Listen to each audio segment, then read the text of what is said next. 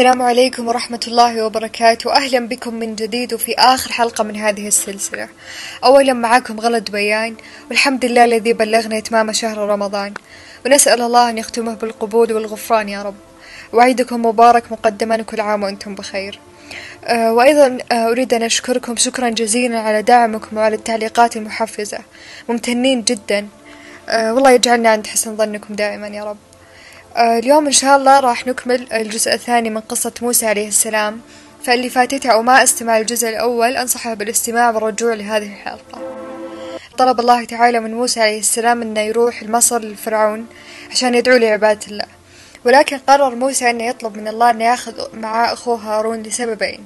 السبب الأول أن موسى قتل أحد رجال فرعون فراح يكون خطر عليه أنه يروح لحاله والسبب الثاني آه، عشان أخوي يعينه بالكلام لأن موسى كان ثقيل لسانه بسبب آه، أكل الجمرة لما كان فرعون اختبره وهو طفل آه، عشان كذا قال ربي بآية أعوذ بالله من الشيطان الرجيم واحلل لي عقدة من لساني يفقه قولي. ربي أجاب له دعوته وقتها وفك عقدة لسانه. وصل موسى وأخوه آه، عند فرعون في مصر. فقال فرعون لموسى لماذا أتيت القصر؟ فجاوبه عشان أدعوك لعبادة الله. فرد عليه فرعون آه، قال لقد ربيناك وأطعمناك وكبرت في قصرنا وتريد منا الآن أن نغير ديننا وقتلت أحد رجالي بعد. فاعترف موسى بغلطه وقال أنا فعلا هربت وفعلا أخطأت لكني رجعت عشان ربي. ربي أمرني أني أجي وأبلغ رسالة. تحدى فرعون موسى عليه السلام. آه، قال فرعون لموسى أن أختار آه، يوم ووقت مناسب للتحدي واللي هو أن كل واحد آه، يوري الثاني سحره أو معجزاته. فاختار موسى يوم اللي هو كان يوم العيد. فجاء هذا اليوم وبدأوا بالتحدي. هم فرعون كانوا سحرة. فكان معاهم عصي فتحولت هذه العصي إلى ثعابين. طبعا هم كيف سووا كذا؟ أكيد ما كانت معجزة لكنهم سحروا أعين الناس. فوقتها نزل بوحي من الله أن ألقي عصاك يا موسى. فلما ألقاها تحولت إلى ثعبان وأكلت كل الثعابين حقت السحرة. آه، فعرف وقتها هذول السحرة أن اللي مع فرعون أن هذا اللي صار شيء حقيقي فعلا وأنه ليس من صنع مخلوق. فوقتها سجدوا وآمنوا بالله. آه، فطبعا غضب فرعون وهدد السحرة هذول أنه بيقتلهم إذا ما تراجعوا عن قرار إيمانهم. فردوا عليه قالوا لا نبالي افعل ما شئت. شوفوا كيف السحرة اللي كانوا يتحدون موسى ويحاربون الله كيف تغيروا سبحان الله فقتلهم فرعون وأصبحوا من الشهداء. فجاء وقت أن موسى وقومه يهربون من مصر درى فرعون أنهم ناويين يهربون فلحقهم عشان يقتلهم. وصل موسى واللي معاه للبحر طبعا اللي معاه كان أغلبهم نساء لأن فرعون وقتها كان يقتل الرجال. واحد من قوم موسى سأل موسى قال أها هنا وعدك ربك؟ يعني ها هنا قال ربك تعال عند البحر. رد عليه قال نعم. ورجع سأله نفس السؤال قال أها هنا وعدك ربك؟ لأنه كان متعجب أن المكان ما في إلا بحر ويعتبر طريق مسدود فكيف راح يهربون؟ لما اقترب آه، فرعون منهم أوحى الله لموسى أن يضرب البحر بالعصا التي كانت معه. فانشق البحر نصفين وصار كجبلين بينهما طريق. فمشوا آه، كلهم موسى وقومه بين البحرين. وموسى لما وصلوا آه، كان راح يرجع يضرب البحر عشان آه، يرجع البحر. لكن وقتها أوحى الله آه، قال له أنه لا لا تفعل شيء. لحكمة أراد أراد أرادها الله راح أذكرها لكم. وصل فرعون للبحر وكان متردد أيدخل أو لا. فنزل جبريل وكان يحث فرس فرعون اللي كان راكب عليه بالدخول. ففعلا دخل فرعون وفرسه. ولما وصلوا لمنتصف الطريق أعاد الله البحرين ورجع كما كان. عشان كذا لما كان موسى يبغى يضرب البحر قبل ما يوصلون آه، وقال له توقف. آه، هذه المغزى أنه لما يوصل ويدخل آه، أراد الله أنه يقفل عليهم البحرين ويهلكون كلهم. فعلا هلكوا قوم فرعون وفرعون معاهم. ولكن بآخر لحظات فرعون قبل ما يموت قال جملة قال آمنت بإله بني إسرائيل اللي هو إله اللي هو الله سبحانه وتعالى. أه وقتها جبريل وضع الطين في فمه رد عليه قال له الآن وقد عصيت وقبل, وقبل كنت من المفسدين لن تنفعك التوبة. ترك موسى قومه مع أخوه هارون عشان آه، يروح يلاقي ربه كان في آه، جبل طور سيناء. فلما وصل عند ربي كان يبغى يشوف وجهه فقال ربي خليني أشوفك. فرد علي ربي آه، قال في الدنيا لا يراني أحد ولكن في الجنة يستطيع المؤمن أن يراني. لكن موسى كان يصر كان يبغى يشوف وجه ربي. فقال له ربي شوف أنا بطلع بالجبل وإذا الجبل قدر يستحمل نوري فأنت راح تقدر تشوفني. يعني إذا ما انهد أو أو صار أي شيء بالجبل وقدر يستحمل فأنت راح تشوفني. أول ما طلع ربي للجبل اهتز الجبل وطاح صار تراب. لما شاف موسى عليه السلام كيف الجبل انهد قدامه على طول طاح الأرض وأغمى عليه. فلما أفاق قال سبحانك تبت إليك. فسأله الله وقتها قال أنت ليش تركت قومك وجيت؟ فقال لها من فرحي بلقائك يا رب.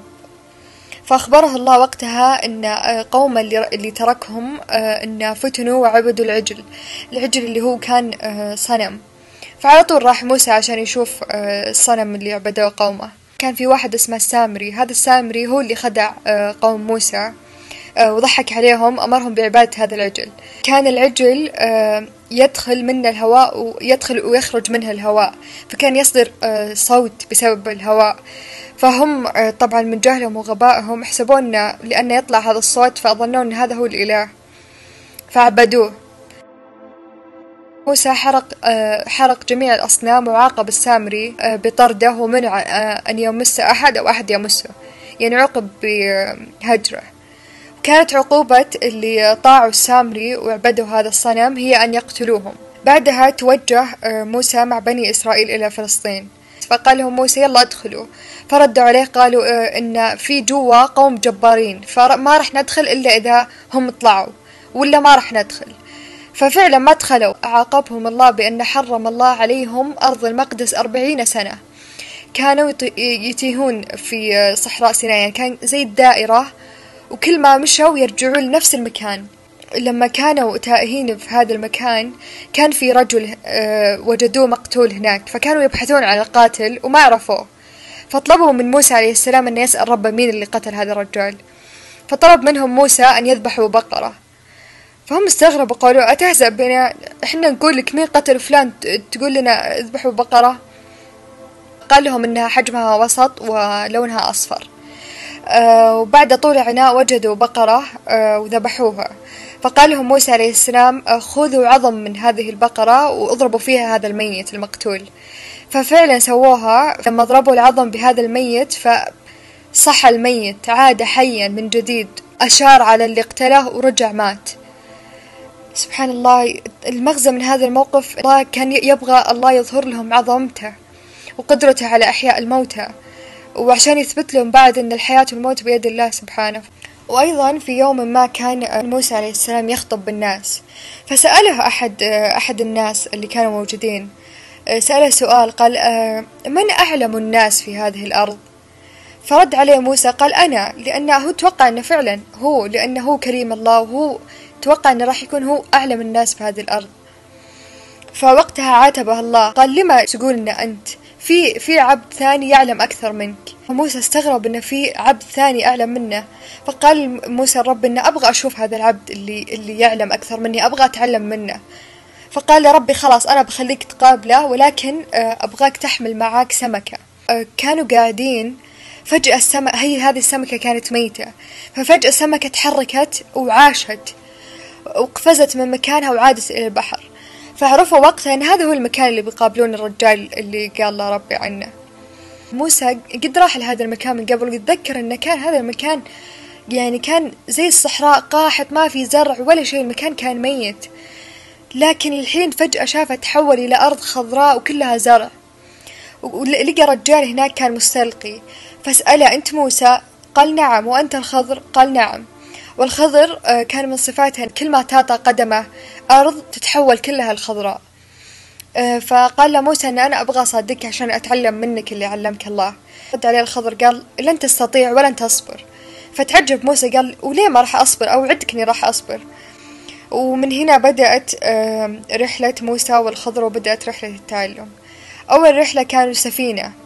وصلوا وراعين هذه السفينة أصحابها. واللي كانوا موجودين كانوا ناس طيبين وكويسين وفعلا كان تعاملهم مع الخضر وموسى جدا محترم. فجاء الخضر وخرق السفينة حقتهم يعني خربها. فتعجب موسى قال الحين إنهم الناس كويسين معاك وطيبين وكذا تجازيهم. ألم أقل لك أنك لن تستطيع معي صبرا؟ يعني ما قلت لك إني إنك ما راح تصبر. فاعتذر موسى وقال إنه معليش إنه أنا نسيت آه، إني وعدتك. فسامحها درس مستفاد إن إن إن الناس غير مؤاخذ بنسيانه لا عند ربي ولا عند خلقه. طلعوا من هذه السفينة ومشوا لما وصلوا القرية. آه، مروا من عند طفل وكان هذا الطفل آه، يلعب مع باقي الأطفال. فلحقه الخضر وقتل هذا الطفل. فوقتها أنفجع موسى وصرخ عليه قال لي كيف تقتل طفل بريء؟ فقال الخضر شفت قلت لك إنك ما راح تصبر. مشوا وصلوا لقرية ثانية. وبهذه القرية كان في قوم أشرار يعني كانت سمعتهم منتشرة كانوا يضرون الناس كانوا يضرون أهل القرية ويزعجونهم فهذول القوم كانوا متكئين على جدار وكان هذا الجدار آه، يعني راح يطيح آه، راح ينهد عليهم. فلما شاف الخضر آه، قال موسى انه قم تعال خلينا نقوم هذا الجدار لا يطيح. فاستغرب موسى قال انه ليش تبي تساعد هذول القوم؟ إنهم إنهم آه يعني مو كويسين وهم الناس أشرار.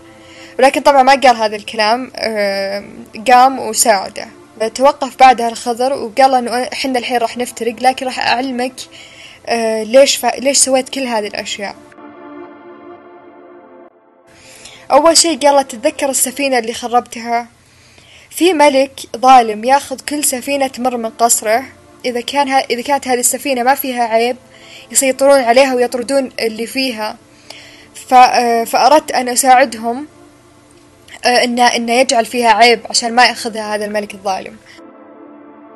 آه، وبخصوص الطفل الذي قتلته هذا الولد لما يكبر راح يكون عاق بوالديه وراح يكون كافر سيكفر. إذا مات هذا الطفل من صغره فيموت على الإيمان. فأحسن له الوالديه أما بشأن الجدار الذي رفعناه بالقرية آه، يعيش بهذه القرية رجل صالح وكان عنده طفلين. آه، خاف الخضر أن إذا مات هذا الرجل آه، أهل القرية راح يأخذون كل فلوسه وما راح يبقون الأطفال الصغار شيء. فتحت هذا الجدار اللي كان راح ينهد كان في كنز. وأكيد هذا الجدار راح ينهد يوما ما لأنه كان مرتخي يعني. أنا رجعت رفعت الحين على ما يكبرون هذول الأطفال وهم يكتشفون الكنز اللي تحت الجدار بنفسهم. كان من رحمة الله أن سخر لهم الخضر وموسى لأن أبوهم كان رجل صالح.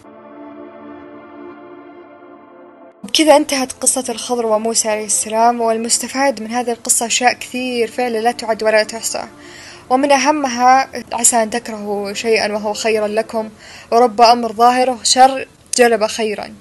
والتأكيد على فضل طلب العلم يعني شوفوا هم راحوا أكثر من قرية وسافروا لأكثر من مكان فقط لأجل العلم. وكيف أن العلم والتعلم يحتاج صبر فعلا. تأكدوا أن الصبر على أتفه الأعظم الأمور لا يضيع عند الله.